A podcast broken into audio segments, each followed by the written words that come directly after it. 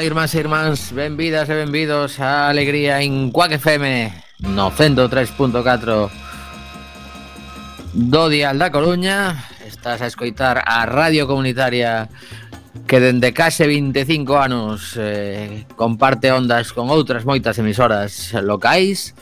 E eh, temos o programa cargadiño de novas moi variadas, Estaremos por Galicia, estaremos por eh, España, Estaremos en Guatemala, falaremos do que pasa con Hungría e Polonia que están aí de países rebeldes na Unión Europea.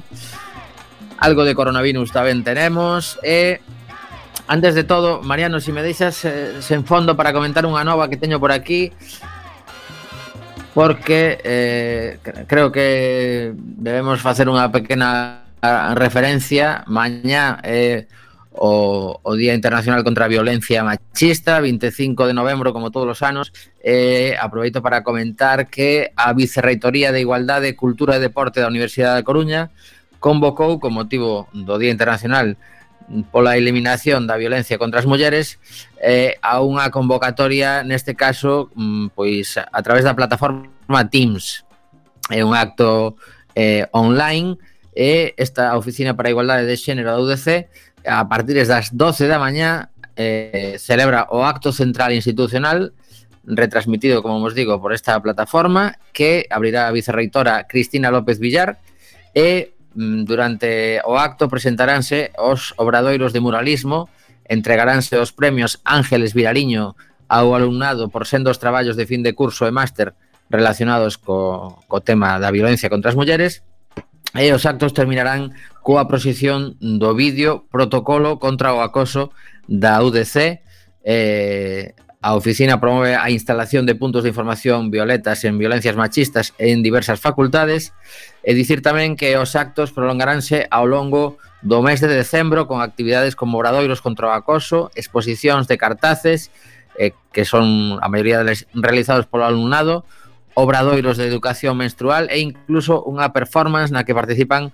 alumnado, docentes e persoal de administración e servizos dos centros. Bueno, pois como os actos van, van durar uns cantos días, eh, tentaremos estar atentas e, e bueno, pois eh, informar puntualmente e incluso facer algunha entrevista sobre este tema. Eh, como bon escoitáchedes, Mariano Fernández está aos mandos técnicos do programa, eh, imos aproveitar para saudalo, Como, como vai a, a ruta ciclista dos últimos días, Mariano? Que nos podes contar de como o estado das estradas? Pois houve, houve bo tempo, o estado das estradas inme, inmellorable, non? E, e abar, abarrote de ciclistas? O sábado moitísimo.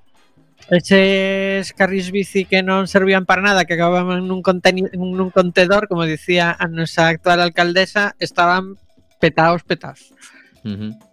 Pues claro, mola, mola, la verdade é que molaría que a xente eh, compartise fotografías cando, cando está polo carril bici e non veña ninguén, evidentemente, pois que fagan unha paradiña para sacar unhas fotos e dicir, mira, estamos utilizando isto que que se que se bodaba un pouco por terra o traballo realizado, eh, bueno, aínda aínda evidentemente pode aumentar moito máis. Eh, unha pregunta, eh, está, se si non lembro mal, está eh, proxectado un carril bici que continuará todo pola zona das xubias que chegará a Ponte do Pasaxe. Eso, eso é así ou soñei eu? A ver, xa hai un carril bici que vai ata Ponte da Pasaxe. Pero pode ser por abaixo? Non, por arriba. Por abaixo, a ver, por abaixo sei que hai un proxecto, pero non sei se non sei eu, eh, ese proxecto. Non. Porque a ver, eh, primeiro oh, hai unha por aí pasa unha vía uh, de, de tren e tampouco Sí, pero en, en paralelo coa vía, non sei. Tampouco hai moito espazo, hai logo hai outras instalacións, quero dicir, hai un, un colexo, hai propiedades privadas por aí, non sei. Eh, Vale, a vale. porque hai xa xa me apaño, eh, quero dicir co co carril bici metropolitano, gustaríame que penso que que se poden facer cousas máis interesantes noutras zonas do carril bici metropolitano que están sen sen tocar, non? Uh -huh. Entre, por exemplo, eu que sei, entre entre a praia de entre a praia de Bens e eh, Suevos. Uh -huh. E logo se queren facer ciclable a senda perimetral do Porto, pois hai que hai que adicarlle un chisco máis de cariño a iso. Es, es, explícanos iso, da, a que lle chamas a senda perimetral do Porto, para a xente que non que non colla bici. Hai hai unha hai un Estamos a falar do, do Porto da cidade ou do Porto exterior? Porto exterior. Vale, vale, vale. Eh, claro, iso é Concello de Arteixo, non? Uh -huh eh, bueno, o sea, digamos que hai unha pista de, de cemento con grava moi fina que, bueno, se vas en se vas en mountain bike pois aínda, pero pero con calquera outro tipo de bicicleta mm, faise bastante complexo circular por circular por aí e ademais a saída o, o, non está moi ben resolta na parte que dá a zona de Sabón, non?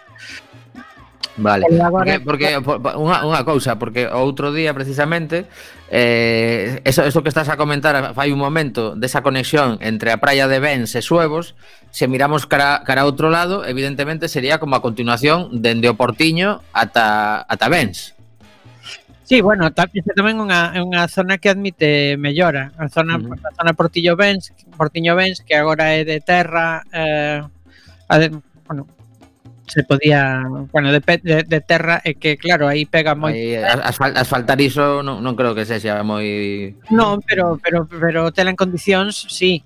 Uh -huh. Hai algunhas hai algunhas zonas que están que están cementadas, eh, porque precisamente porque hai moita erosión nesa zona eh, ten unha certa complexidade, pero se non se se non se vixía os últimos 50 metros que dan a praia de a praia de Bens, pois realmente non están moi ben, non? Ajá. Bueno, pois nada, xa sabedes, eh, o tempo acompaña, hai moito moito por onde circular, é certo que a partir de mañán o tempo en principio vai a estar complicado por uns días que entran entran borrascas potentes, pero eh, a bici sempre é unha alternativa estupenda para facer exercicio agora que temos moito moitas limitacións cos deportes de equipo, pois nada, a buscarse a vida con deportes máis individuais, eh, a xente sabemos que está xogando ao, ao pádel e ao tenis aínda se pode, pero eso, claro, hai, é para pouca xente, entón, pois, o, o resto, aproveitar o que se poda, hai moita xente facendo facendo running ou como lle cara chamar, Correr, eh, correr. Correr, di que sí. Bueno, que, que tamén eh, poderíamos facer un capítulo aparte eh, sobre est estilos de xente correndo, porque son tan variopintos, eh, é un espectáculo, eh, ver como cada, cada persoa ten un estilo moi persoal, eu creo que si, si coñeces a alguén e, e, e xogas con certa regularidade con esa persoa, ou faz deporte, ou corres, ou que sexa, recoñeceas eh, sen, sen máis que o estilo de, de moverse. Pero bueno, Deixamos por agora, son as 6 e 10 minutos e arrancamos a primeira canción do programa de hoxe.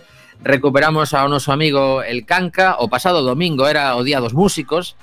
Eh, eu andei a buscar polo meu móvil fotografías, apareceron de moitísimos músicos cos que teño contacto e gustoume unha que, que apareceu con César Decenti e con Mamen Bazarra de las Antonias así que hoxe aproveito para recuperar a, a Alcanca que ademais o pasado A pasada semana celebraba cinco anos xa de vida do seu terceiro disco e hoxe trouxemos No jodan la marrana e iso o mandamos aos homes machistas. No jodan la marrana. Sha la la la. Po po po po, sha la la la. Po po po po, sha la la la. Po po po po, sha la la la.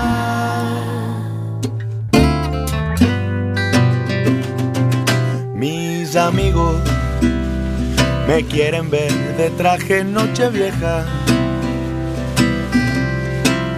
Y mi madre que me coma todas las lentejas.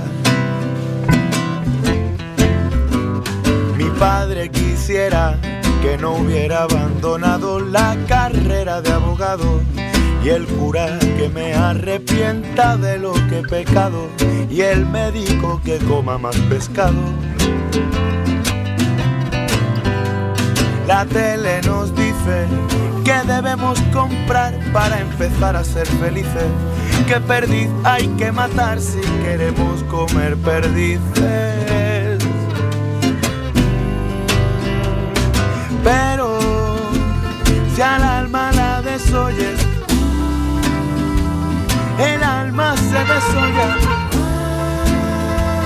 No jodan la marrana, que haré lo que me dé la gana, pero si al alma la desoye, el alma se desolla. No jodan la marrana, que haré lo que me dé la gana. Sha la la la, po po sha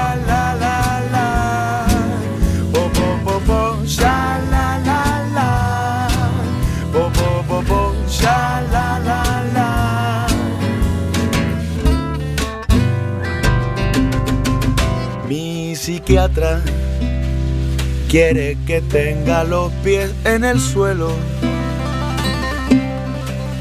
Y mi jefe que no vaya a trabajar con estos pelos. Mi novia querría que creciera un poco y que dejara de hacer tonterías y de paso que colgara de una vez la estantería y José que le presente a María. El amo nos dice que no debe quedar ni un solo perro sin amo, que debemos querer lo que ellos quieren que queramos. Pero si al alma la desoyes, el alma se desolla. La marrana, que haré lo que me dé la gana, pero si al alma la desoyes, el alma se desolla. No jodan la marrana, que haré lo que me dé la gana, pero si al alma la desoyes, uh, el alma se desolla. Ah, se me oye. Haré lo que me salga de la, haré lo que me salga de, haré lo que me salga de la voz. La la po po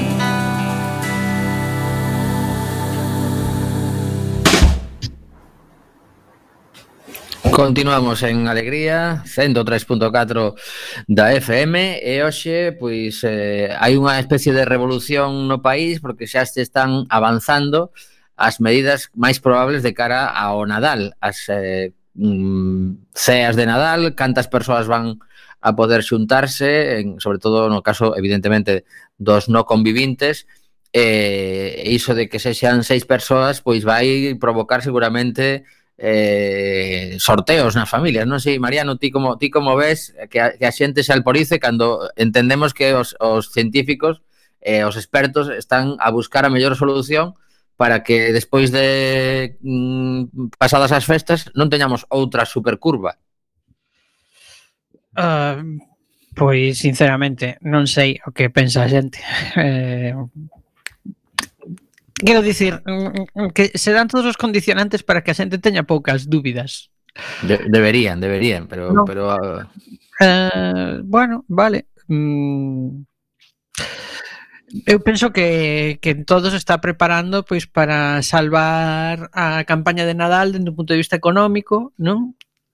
E que imos ter repunte sí ou sí despois das despois das festas porque vannos eh, uh, relax, relaxar a relaxar as, as condicións uh, despois das festas. E uh -huh. tamén se, porque se conta con que a final de xaneiro vai chegar a vacina, se vai poder comezar a, a vacinar e, e controlar a, a COVID ata límites eh, ata límites aceptables. Non sei se erradicar bueno, a eh, pandemia, non sei se erradicar a pandemia porque eso dependerá de moitas cousas, dependerá de, da extensión da vacinación, dependerá do do ritmo das características das vacinas, do ritmo de mutación do virus e de mil cousas que para iso hai epidemiólogos calculando, non? Pero si sí, reducilo a algo mm, eh, aceptable, digamos, uh -huh. a, a, aceptamos que a gripe, por exemplo, mate eh, 650.000 personas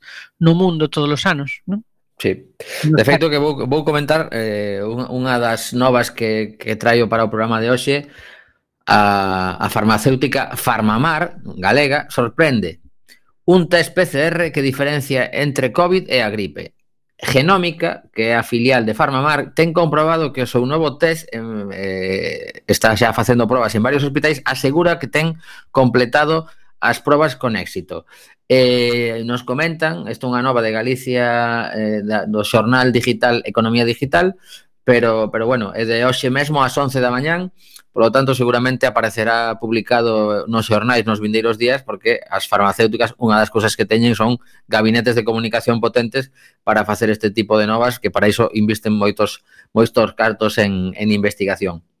E nos comentan o seguinte, a, a filial de diagnóstico molecular do grupo de orixe galego, Farmamar, eh, ten posto a disposición dos hospitais ou laboratorios de diagnóstico un novo test PCR para detectar de forma diferencial a COVID e tamén a gripe A, B e o virus respiratorio sin, sincitina, sincitial RSV. Eh, esta foi unha información que trasladou eh, hoxe mesmo esta biofarmacéutica á Comisión Nacional do Mercado de Valores. O novo test que xa ten o marcado da Comunidade Europea ten completado con éxito as probas realizadas con mostras nasofaríngeas de pacientes pacientes de infeccións respiratorias no Hospital Universitario de La Paz, Hospital Clínico Universitario de Valencia e Hospital Universitario e Politécnico La Fe tamén de Valencia. Eh, as eh, sensibilidades están entre o 95 e o 99,7% eh, comenta aquí que o kit PCR de diagnóstico da compañía ten demostrado, polo tanto, ser altamente sensible e específico na detección e diferenciación de virus respiratorios, incluindo o SARS-CoV-2, que permite incluso detectar casos asintomáticos. Eh, deste xeito, pódese facer un diagnóstico rápido e preciso que permite aos médicos clasificar aos pacientes e determinar o tratamento e as medidas de aillamento máis axeitadas para cada caso. Bueno, a verdade é que eh, si con un test fan todo este, este cribado, digamos, pois é bastante importante. Uh, a ver, é bastante importante sobre todo para a xente que ten gripe. Claro, claro. Que non, que non a meten no paquete que non é. Claro, eh, ou, ou calquera outra das cousas que non son COVID, non? Para, uh -huh. Porque xa había un, un test para... Xa hai un, un test PCR que sinala uh, a COVID, non? Pero, pero claro, con isto xa, digamos, matas dous paxaros dun tiro. Sí, sí. E sabes o que sabes o que tes, pois ben, boa nova. Normalmente economía digital está moi ben informada de de a súa a súa delegación galega está moi ben informada do que acontece cas cas em, empresas galegas, así que, bueno. Uh -huh. Pois pues nada, eh, a ver que, que pasa tamén, isto eh, suporá pois, pues, o típico repunte en bolsa, e despois eh, pasamos a Praza.gal, que nos informa do seguinte, tamén eh, data de hoxe, eh, unha nova asinado por David Reinero. A espera cirúrxica duplícase ata os 101 días nos primeiros datos afectados pola COVID, que a Xunta segue a ocultar. Isto é o, o titular, e imos ler un pouquiño máis. A espera media por cirurxía en Galicia pasou de 54,5 días a finais do ano pasado a 101 días a finais de xuño nin siquiera estamos falando de novembro, senón en xuño de 2020, mentres que a espera por unha consulta de especialista aumentou de 42 a 66 días no mesmo período é o resultado das primeiras listas de espera sanitaria coñecidas tras o efecto do coronavirus e a paralización que a súa eh, primeira vaga na primavera supuso de toda actividade sanitaria non urxente. Os datos de espera media eh, a 30 de xuño, tras tres meses e medio de pandemia, veñen de ser feitos públicos polo Ministerio de Sanidade, Curioso que non, non foi a Xunta de Galicia, senón que foi o Ministerio de Sanidade que informa da situación en todas as comunidades autónomas. Eses datos semestrais adoitan ser feitos públicos polos Sergas unhas tres semanas despois de rematado o semestre, arredor do 20 de xullo, Eh, porén, desta volta, a Xunta segue sen divulgalos máis de 4 meses despois e a Consellería de Sanidade nin siquiera responde ás preguntas formuladas por este diario. Como con outros datos eh, relacionados coa pandemia, os da espera divulgados polo Ministerio en orixe facilitados pola Xunta, pero só se coñecen a través de Madrid, pola negativa do goberno galego a facelos públicos.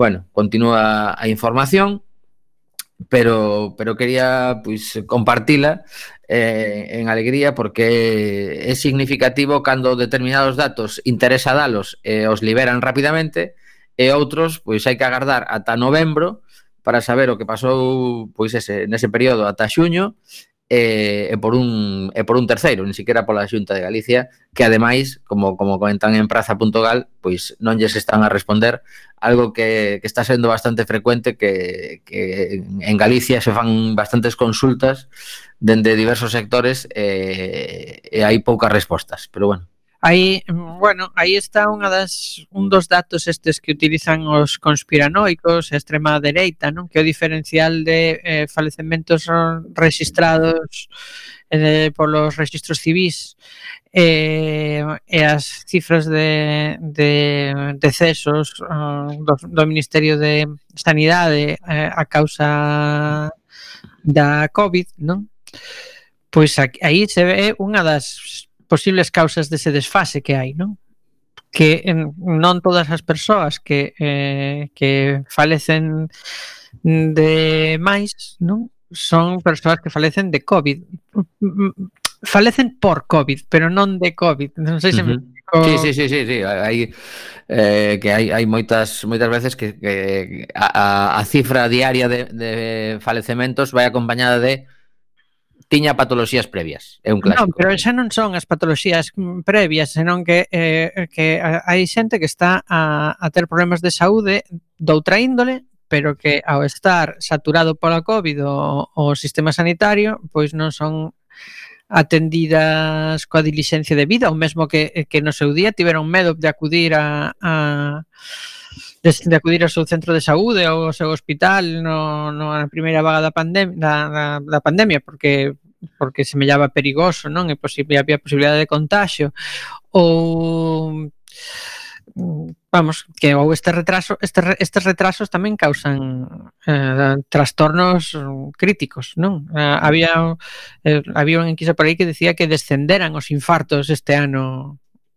Eh, sí, que, que curioso. Claro, non descenderon, o que pasa é que a xente deixou de ir aos centros de saúde a cando tiñan un síntoma leve que logo se descubría que era un infarto, non? Uh -huh. que sei, unha dor no brazo, unha pequena opresión e tal, que normalmente sempre che din, mira, se te pasa, se tes estas sensacións vai, vai ao médico que te miren, claro, pero se hai unha pandemia, eh, ti sabes que os hospitais están saturados e que, e que hai un axente infeccioso que se transmite polo por, polas gotículas, non? É que ti podes correr un risco, pois igual eh, eh, o pensas mellor e, e tragas co infarto. Xa.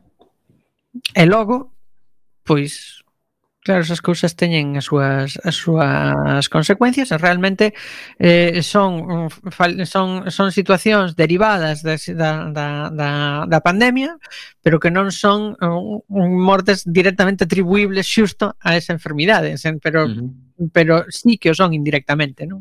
Ajá. Pois pasa, eh... pasa porque claro, o sistema o sistema sanitario era moi eficiente, pero esta pero a proba que se viu sometido non era unha proba de eficiencia, era unha proba de carga de, de, de recursos brutos e non o sabía. Pois sí. Bueno, pois mira, acabo de atopar agora mesmo que estaba aquí como circulando mentras mentras comentábamos esta nova, acaba de lanzar eh, pois mira, son agora mesmo a 6:25 do 24 de novembro, vale?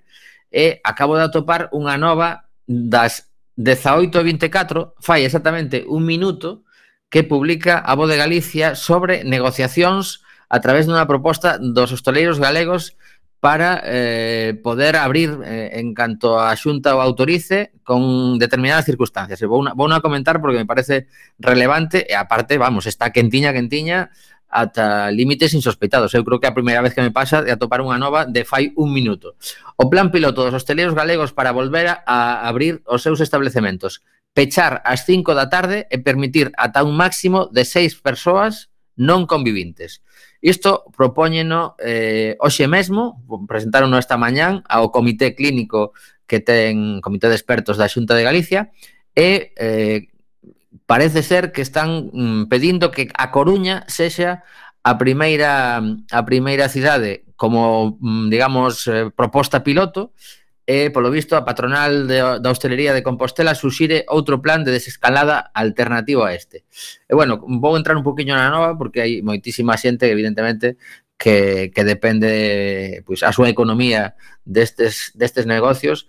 Eh, e xa que estábamos a falar das consecuencias eh, sanitarias, pois agora imos coas económicas. E comentar o que eh, o que redacta aquí Pablo Gómez Cundins, que o que asina esta nova, Cataluña e Andalucía ten servido, teñen servido de avanzadilla para instalar o diálogo entre o sector hosteleiro e as autoridades políticas e sanitarias. Eh, vou ir avanzando durante eh, a lectura, un poquinho así, saltando cousiñas. A mesa de diálogo establecida para concretar as accións económicas vinculadas á hostelería en Galicia eh, ten a súa continuidade en outras materias como a puramente sanitaria, aínda que todas as decisións están conectadas. Por iso, A hostelería non quixo agardar máis e presentou fai unhas horas na Xunta un documento no que se propón un plan piloto con A Coruña como escenario e coa posibilidade de trasladalo ao conxunto da comunidade autónoma se os resultados son satisfactorios. O que non sei, isto parántese que fago aquí, non sei cantos días tería que agardar o resto da comunidade autónoma para, para sumarse a este plan piloto da Coruña porque, porque habría que facer un análise demasiado rápida para, para sabelo. A intención, continúa coa nova, a intención é que o comité clínico que se reúne hoxe ás 6 da tarde, o sea que están agora en paralelo, non están escoitando alegría, tome unha decisión ao respecto para que se poda levar a cabo antes de que venza o prazo establecido para as restriccións actuais que é o Benres 4 de decembro, para o que quedan 10 días. A proposta da que estamos a falar está asinada polas Asociacións dos hoteleiros de A Coruña, Lugo, Pontevedra e Ferrol. Suxire dúas medidas principais.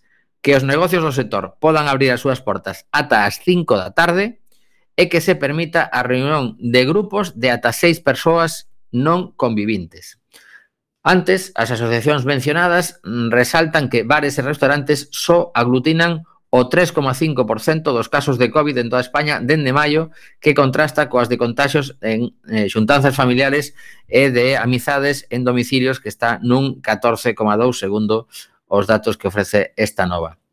Eh, e bueno, aquí comentan que a, a tendencia na Coruña é un, unha liña plana nos casos activos que se manteñen prácticamente sen variacións nas últimas dúas semanas, Nestes momentos a incidencia de contagios ralentizouse, entendemos que sería beneficioso abrir parcialmente a hostelería na área sanitaria da Coruña. Isto é o que din eles. E, mm, bueno, aquí os de, os de Compostela propoñen un plan con catro escenarios segundo a incidencia. Hostelaría Compostela non se adire á proposición das catro patronais mencionadas e ofrece un plan alternativo. Neste caso sería a posibilidad de instalar medidores de CO2 nos interiores dos locais co obxecto de poder aumentar as limitacións de capacidade en base a datos concretos, reforzar con ventilación mecánica aqueles locais que podían ter unha ventilación natural insuficiente, Estas medidas deben ser impulsadas pola Administración mediante unha orde de axudas específicas. Pero claro, eu entendo que isto que están a pedir, que xan, son investimentos concretos e, e mercar todo isto, pois xa vai levar uns cantos días que o mellor chegan tarde para o que pretenden. Por outra banda, tamén mmm, solicitan levar un registro de reservas nos restaurantes, espazos onde habitualmente se está un maior espazo do tempo co objetivo de poder ofrecer facilmente os, aos contactos en caso de producirse a presenza de algún contagio coincidente na mesma franxa horaria. Eh, en terceiro lugar, recomendan a limitación ou anular os fíos musicais nos restaurantes cando a capacidade estea ao límite para evitar que a xente teña que falar máis alto e emitir un maior nivel de aerosois. Mira, isto é curioso, non, non o pensara eu, pero evidente que, claro, si co, co barullo que montamos os, os españois, a xente empeza a berrar máis eh, e ten certa lógica. Eh, ta, ta, ta, ta, ta, ta, eh, tamén incide nos eh, pilares básicos da loita contra o impacto da pandemia, horarios, limitación de capacidades e agrupacións de persoas, e propoñen ampliar o horario do toque de queda ata as 12 da noite. Caramba, isto pois, eh, mm, é bastante diferente a esa proposta das 5 da tarde. Eles o que pretenden é que cheguen ata as 12 da noite a posibilidad de estar en, en Compostela nos locais. Bueno, son as 6.31, eu creo que xa, agora xa entran en, en detalles bastante curiosos de, de como se aplicaría en función de se cada concello está en alerta vermella, alerta laranxa, amarela, etc. Así que, bueno, estas son as propostas que, como os digo, acaban de trasladarse ao que mete eh, clínico e posiblemente ao longo da súa xuntanza de hoxe mesmo, pois as teñan en conta e decidan que fan coa, coa hostelería. Caramba foi unha sorpresa toparme con isto. A ver, eu penso que supoño que paliar palía, pero tampouco moito, non?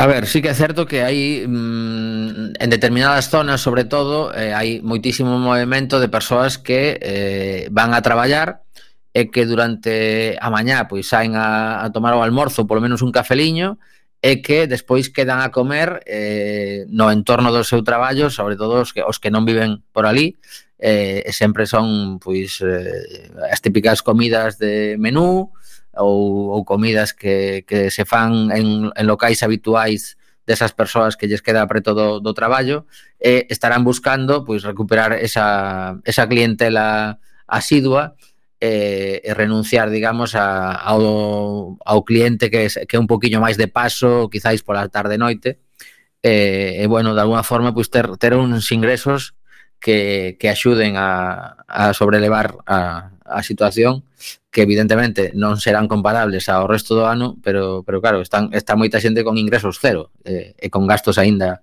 eh, acumulándose. Poñemos outro cancionciño, pareceche? Eh, ti mandas. Bueno, pois pues, eh, falando que traía esta esta nova un pouco precisamente eh, fiada coa canción de Combo Dinamo que recupero, que se titula No iba a bajar, vale? Era eh, a canción adicada á zona eh, entre o Patachín, Monte Alto, Mardi Gras, desa noite que, que ti non ías baixar, pero estás, estás aí na casa, eh, chaman os colegas, eh, veña, pois pues, baixo, pero para tomar unha, eh? E ao final te lías moitísimo. Bueno, pois agora, evidentemente, isto non se pode facer, eh, e aproveito aquí mm, pequena cuña para, para a xente que aínda non se enterou que acaba de nacer hai pouquiño unha república na nosa cidade, a República Musical Mardi Gras, e que xa hai máis de 230 eh, persoas socias, e se alguén que nos escoita pois aínda non deu o paso, dou o correo electrónico que, que é moi eh, moi doado mandar un correiño e informarse e despois decidir se si te sumas ou non a esa república. O correo é AC República Mardigras, acabado unha S, AC República Mardigras arroba gmail.com. Combo Dinamo, esta é a canción adicada ás saídas tolas, no iba a bajar.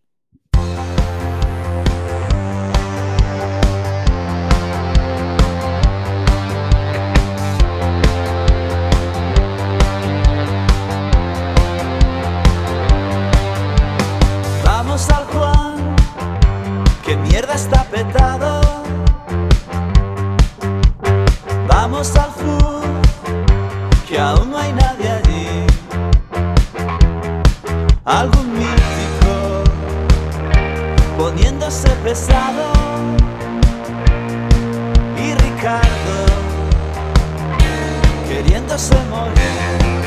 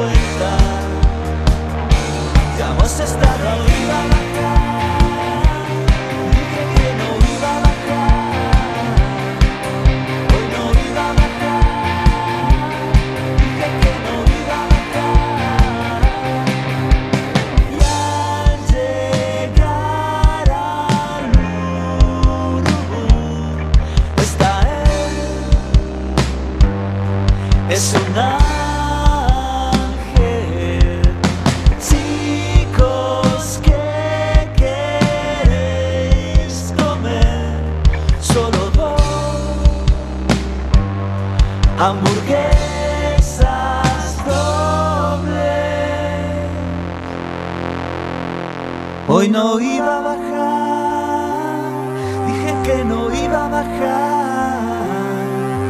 Hoy no iba a bajar, dije que no iba a bajar.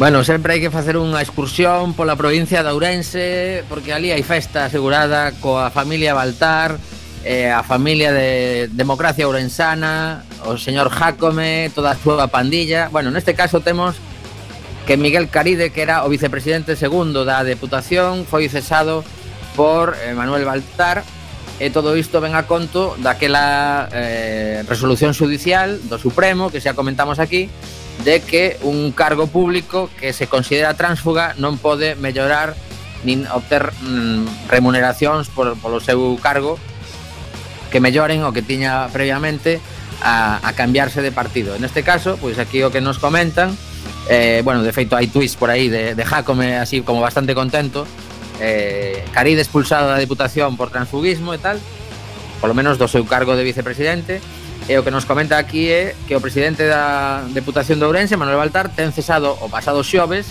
ao concelleiro crítico Miguel Caride do seu cargo de vicepresidente segundo da institución ante as medidas cautelares abertas pola situación deste e outros concelleiros críticos con democracia ourensana. Deste xeito, o diputado sen adscripción política non ocupará a vicepresidencia provincial a instancias do informe elaborado polo secretario xeral da institución provincial e despois das críticas dos grupos da oposición. Nun comunicado remitido aos medios, a Deputación informa de que polo momento este cargo quedará vacante á espera do que ditaminen as resolucións judiciais do xulgado. Non se vai a cubrir o posto de vicepresidente segundo que ocupaba Caride, nin tampouco a vacante que queda na Xunta de Goberno Policía, Provincial, perdón, a espera das resolucións judiciais que se deriven do procedimento aberto no xulgado de primeira estancia número 1 de Ourense, segundo este comunicado da Deputación. O citado xulgado estableceu medidas cautelares sobre a suspensión dos acordos adoptados pola formación Democracia Ourensana referidos á situación da representación política de Caride e outros exconcelleiros tanto no Concello como na Deputación, que son, son catro en total. Eh, o fundador do partido, Gonzalo Pérez Jácome, actual alcalde de Ourense, comunicou que Caride deixaba de representar a democracia ourensana no Concello e, polo tanto, o considera un transfuga. Bueno, pois nada, temos festa como sempre en Ourense, a ver como acaba isto, mm, non sei se si, si algún día acabaremos vendo un, un non sei, un duelo a espada ou algo diso, pero eh, xa, xa comentamos que eh, isto era como unha especie de cadea que podría pasar en moitos sitios e un deles pois a, a Coruña que non sabemos se si en algún momento dende dende a Secretaría do Concello pois, eh, sacarán algún informe similar coa situación actual de, de Mónica Martínez? Pois, a ver, é cuestión de tempo. Non, o sea, as, as sentenzas do Tribunal do Tribunal Supremo non non, non hai moito onde rascar, non? Non van para atrás, quero dicir, iso, é cuestión de é, é, é que cuestión de, de, de a ver cando se deciden a, a aplicala no Concello da Coruña porque ademais hai que ter en conta que eh, ese asunto está subyúdice e se non se fai de bo grau pois haberá unha sentencia do Tribunal Superior de Justicia de Galicia que os obrigue uh -huh.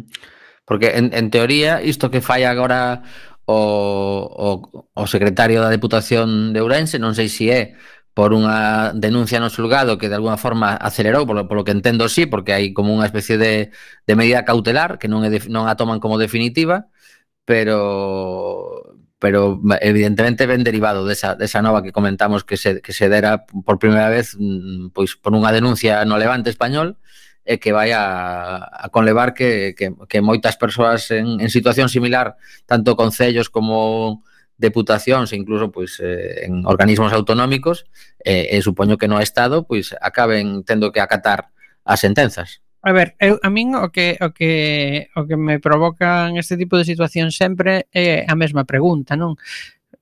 Exactamente para que serve o pacto antitransfugismo que asinaron todas as forzas políticas?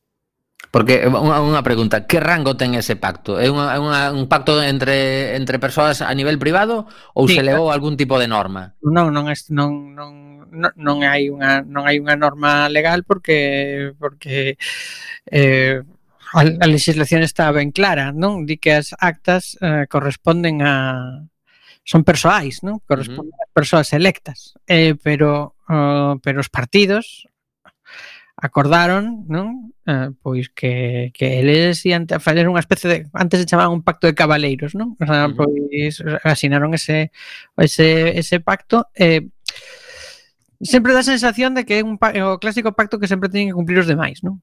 O sea, Sí, bueno, a mí agora mesmo non me, non me convén demasiado, eh, miro para outro lado e tiro para diante, non? Algo así. Sobre todo nos últimos tempos dá esa sensación. Um, todo o mundo se fai un pouco sueco, non? E, eh, ah, mira, es que, es que... Eh, pero eu, a ver, comezando por, polo tamallazo, non? E ata, xa. ata isto de agora. Pois sí, pois sí. Pois mira, xa que falaches de facerse o sueco, vou a, aquí a fiar porque quero, quero tamén comentar a, a nova destes días pasados da Unión Europea con dous países rebeldes que temos aí, que ademais son pois relativamente pouco importantes a nivel económico dentro do panorama de, de outras de outras eh, si, si facemos comparación con, pues eso, con, con Alemania, con Francia, incluso con España, Hungría e Polonia vetan o Fondo de Recuperación Europeo. Os, os disidentes reiteran a súa oposición nunha breve discusión ante os líderes. Temos aquí unha fotografía no que se ve pois eso, unha videoconferencia na que están todos os líderes europeos, aí veo a España Pedro Sánchez, Dinamarca, bueno, está toda esta xente aquí eh, eh, polo visto, pois teñen un sistema de, de bloqueo que impide que eses fondos de recuperación que son, estamos a falar de eses, se si non lembro mal, 750.000 millóns de euros en varios anos, pois están aí parados porque porque hai dous gobernos así como bastante retrógrados neses países que lles están tirando as orellas por temas de, de dereitos humanos e de, de algún tipo de, de dereitos sociais que, que se están saltando un pouco a torera. Eu non, eu non diría uh, que son uh, que son dos gobernos Por certo, que, que fa, son, son tres realmente, eh. eh? Eslovenia está tamén aí paralizando diría, o tema. Eu diría que Hungría e Polonia son gobernos de extrema dereita. E iso hai que, bueno, hai que hai que verbalizar as cousas, non é, non é que sexan un pouco, non, son gobernos de extrema dereita que eh, están pois saltándose un pouco, bueno, máis que un pouco, os dereitos os, os, o Convenio Europeo de Dereitos Humanos, e entón a Unión Europea dix, ei, que facedes? Lles abriu un expediente, en represalia están bloqueando os fondos, sinceramente. Sendo como son dous países perceptores netos da Unión Europea, pois mira, queridos, como se poñan tontiños, aínda acaban con unha expulsión temporal, polo menos. Eu, pois, pois sinceramente, eh... o que non, non sei como é o procedemento para facer unha eso, un, unha, vamos a chamarlle expulsión temporal de, eh... de países de países, pois en este caso rebeldes de extrema dereita. ¿vale? Non penso que exista tal mecanismo, pero oh, pero que pasa que que que non sei, eh, igual é que estamos a falar de dereitos humanos con unha cousa moi seria e igual iso viola os tratados da Unión, non, non sei. O sea, mm, a unidade do mercado igual non vale para xustificalo todo. Entón, uh -huh. eh, o sea, unha... son cousas que me pasan a mí pola cabeza. Vale, vale, pois pues mira, para, para ir rematando con esta nova que aínda quero meterme un pouquiño a, a desmenuzar eh, os, os orzamentos galegos de 2021 que se están a tramitar. Vos eh, sentindo moito por, pobre, por, por, por, a, por a pobre ciudadanía húngara e polaca que ten que Xa, sobre, sobre todo os que non os que non votaron a esta xente. Eu, eu, teño, eu teño guardado na cabeza unha vez que estaba nun proxecto máis perseguidos, non? Sobre todo, non? Xa, xa, xa, eu estaba nun, nun proxecto europeo e me decían, "Pero como le votas a Aznar?" decían, decía, "A mí non me miredes." O sea, que que hai que pensar que nestas cousas sempre hai moitísima xente que non votou, pero que se atopa con ese goberno. O sea, xa, pero Víctor Orbán eh, eh fai pasar a, a José María Aznar como un boy scout, vale? Xa, xa, xa, bueno, eso é outra, sí. Pero mira, deixame, deixame facer aquí un, unha pequena referencia para rematar a nova. Aos dous disidentes, o mércores pasado sumouselles o apoio de Eslovenia, país que non ten bloqueado o Fondo de Recuperación, pero o seu primeiro ministro, o cada vez máis populista, Janez Jansa, enviou unha carta ás institucións europeas nas que defende as teses de Orbán. Unha longa carta escrita nunha linguaxe pouco habitual neste tipo de correspondencia diplomática. Entre paréntesis, a Unión Europea é actualmente un convoi de barcos que navega en mares turbulentos. Calquera mecanismo discrecional que non se base nun suizo independente, senón que estea baseado en criterios políticos, non pode denominarse Estado de Dereito. O sea que Eslovenia está aí tamén na loita, digamos. Vale. Pois pues, genial. Pois, pues, pois pues, veña. Pois agora estou eu aquí mmm, nestes últimos minutos de programa eh, tentando eh, vou coller un papeliño que teño aquí. Fala tú un momentito que nada, tardo cinco segundos en regresar Orzamentos 2021 da Xunta de Galicia. Eh, fala ti momentito di. Dos, dos, dos orzamentos da xunta, nada menos. Pero isto non se deixa para os últimos sete minutos. A ver, no, mira, xa estou de volta. Nada, que tiña un, tiña un papel que estiven facendo unha pequena lista de desglose. Isto hai que falalo con máis calma e, por suposto, non están aprobados aínda. Pasaron o primeiro corte do, do Consello da Xunta. Evidentemente, hai que lembrar que a maioría absoluta do Partido Popular vai facer que se aproben sí ou sí. Entón, eh, se tedes eh, curiosidade, é tan sinxelo como poñer orzamentos xunta.gal, dime, dime xa dixeron cando os presentaron que eran moi expansivos pero que era por, por unha cuestión excepcional, eh? Hmm. Pues mira, en, en concreto 1414, unha cifra redonda, 1414, quédate con esa cifra na cabeza se nos estás a escutar, 1414 millóns de euros máis que o ano pasado, estamos a falar dunha variación de de 10.000 a, a ver que vos digo agora mesmo, eh, estamos a falar agora mesmo da, da, das partidas de gasto total, eh, esto un, un PowerPoint que fixeron aquí para explicar todo, eh, atopamos que a cifra global pasa de 10.149 millóns, que son os orzamentos actuais 2020, a 11.563 millóns de euros un incremento bastante considerable, como vos imaginades, estamos a falar máis do 10% de incremento que é unha unha cifra que no, se non fose pola, pola pandemia isto sería impensable, vamos. Eh, sí, pero xa digo que xa advertiu, xa advertiu o conselleiro que non nos acostumemos a isto que, que isto non vai durar, non? Que, uh -huh. que porque houve unha pandemia e tal, entón claro, pois pues que, que, que mal, pero pero que es un poco que no se vuelva a repetir eso de eso de gastar tantísimo. Uh -huh. Aquí o que, o que ven a... Hay que lembrar a nivel, eh, o sea, dentro, bueno, dentro do contexto de xestión de, do señor Núñez Feijó, que sempre di que, que a xestión económica tan brillante, que a débeda pública de Galicia segue disparada dende que el chegou ao goberno. Eu, Pois mm, aquí, que, eh, que sempre a ver, se, o... si ti lees aquí, sempre... a, a, a débeda aparece aquí un, un, un... Pois mira, eu, eu, el, el, el es fan, claro, como, como sempre o que fai o PowerPoint fai todo precioso e, eh, e aparece aquí unha disminución da débeda da comunidade autónoma, a ver se atopo, que é un montón de páxinas, non o vou atopar agora, me ia, me ia centrar na, na páxina que eu creo que mm, a que debemos desmenuzar nestes últimos minutos eh, pero bueno, xa, xa buscaremos de cara a vindeira semana eh, falaremos un poquinho máis deste tema porque porque é realmente pues, bastante relevante eh, fago aquí unha unha parada técnica para eh, falar das prioridades... Dime, dime datos de débeda dende dende cando o goberno Feijóo, dende Pois eh, pues, de, que levamos 13 anos con el. Mm. 12, 12 pico, algo así. Bueno, digo che dende 2009, por exemplo. Veña. 4.859 millóns de euros en 2009. 6.189 en 2010, 7.079 en 2011, 8.324 en 2012, 9.212 en 2013, 9.961 en 2014, 10.375 en 2015, 10.854 en 2016, 2000, bueno, 11.210 en 2017, 11.342 en 2018 e 11.315, baixou un pouco, en 2019.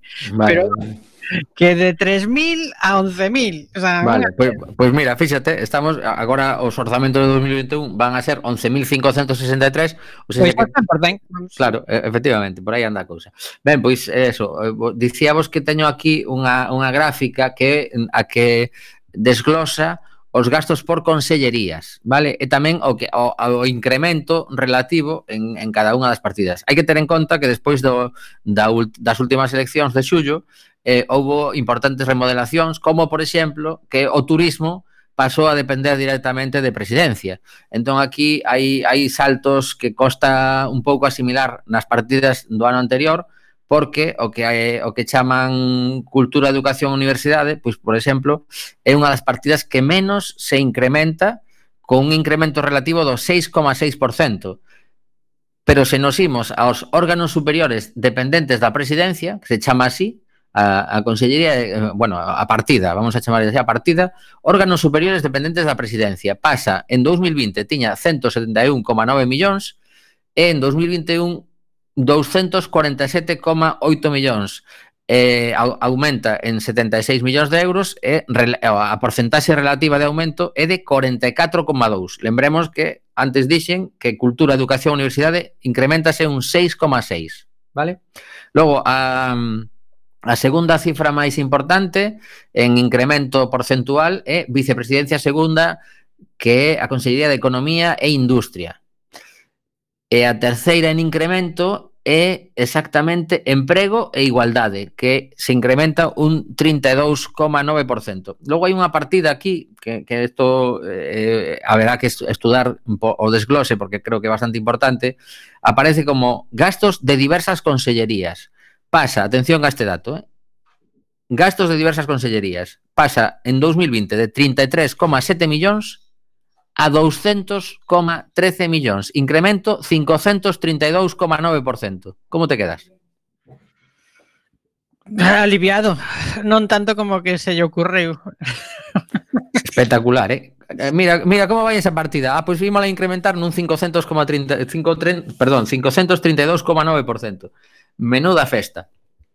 E logo estou a, a, a buscar aquí pois a, a consellería que menos incrementa e ten certa lógica porque realmente pois é unha consellería que eu entendo que basicamente o, o, os gastos que teñen propios son os, os de persoal que é Facenda e, e, e Administración Pública que incrementa o seu orzamento nun 3,8. É a única de todas que eh, incrementa eh, menos que cultura, educación e universidade.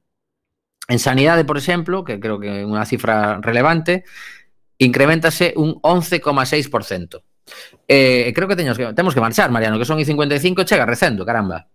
Mm, a ver, estaba facéndote sinais por iso aquí con ah. Vale, vale. Ah, pero é que sabes que pasa, que estou noutra pantalla e non te veía. Vale, vale, pois nada. Despedimos eh, o programa de hoxe, retomaremos estes orzamentos porque son ao final eh, moi importante a que se destinan os cartos, igual que que pasa cos orzamentos xerais do Estado que andan aí pelexando. Deixamos a nosa pantalla preparada para os compañeros de Recendo. Quedadevos en Cuac FM e ata a vindeira semana. Bicos, chao. Chao.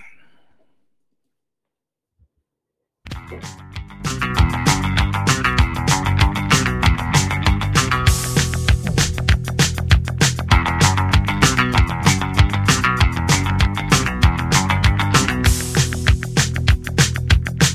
un tipo dentro del espejo que me mira con cara de conejo,